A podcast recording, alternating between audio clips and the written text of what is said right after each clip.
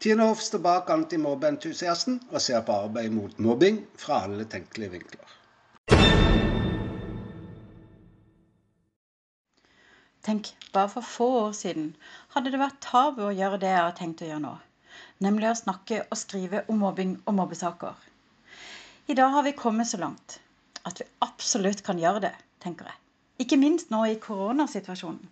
Men la meg først få lov. Du lurer kanskje på hvorfor vi skal bruke tid på et så alvorlig tema. Vel, hvis du er en forelder eller jobber i en offentlig institusjon, er dette noe for deg. Og jeg kan love deg at jeg har god grunn for å starte samtalen om temaet. For Ungdatarapporten 2020 finner at det er over 62 000 barn og unge som våger å si fra til voksne om at de opplever mobbing i skolen. Fra før av så vet vi jo at 40% av alle barn og unge som opplever mobbing, sier ingenting. De er tyst og går gjennom det sjøl. De sier ikke fra, hovedsakelig av to årsaker. Den ene er at de ikke vil bekymre sine foreldre.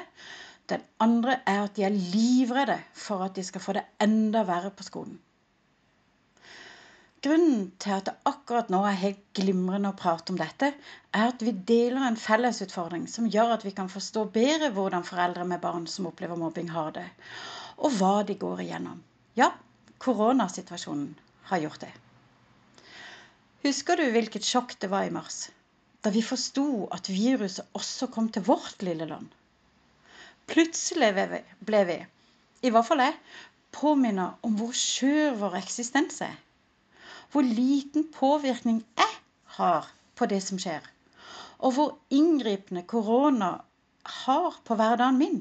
Jeg kunne ikke lenger reise fritt rundt i landet og hjelpe familier og skoler i mobbeutfordringene. Også så inngripende jeg følte det. Særlig når det gjaldt det å omgås hverandre og de jeg er så glad i. Ikke minst det å ha min datter midt i hovedstaden og foreldre i en av nabobyene. Det er så langt unna det blide Sørlandet, og der er jeg. Det var tøft.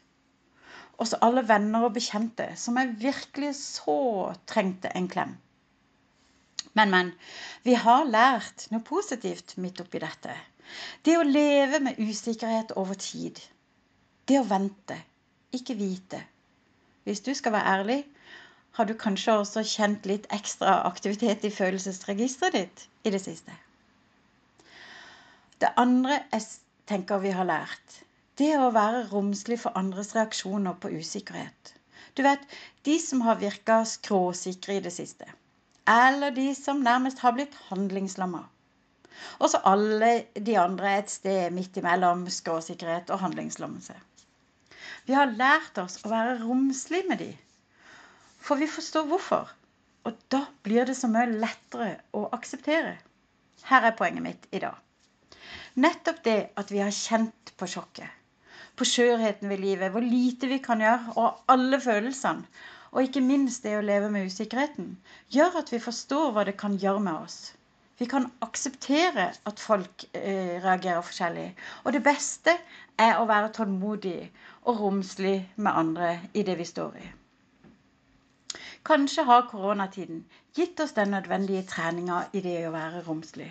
Ja, da kan vi bruke dette i møte med foreldrene med barn som opplever mobbing også, tenker jeg. For dette er bare noe av det de går igjennom.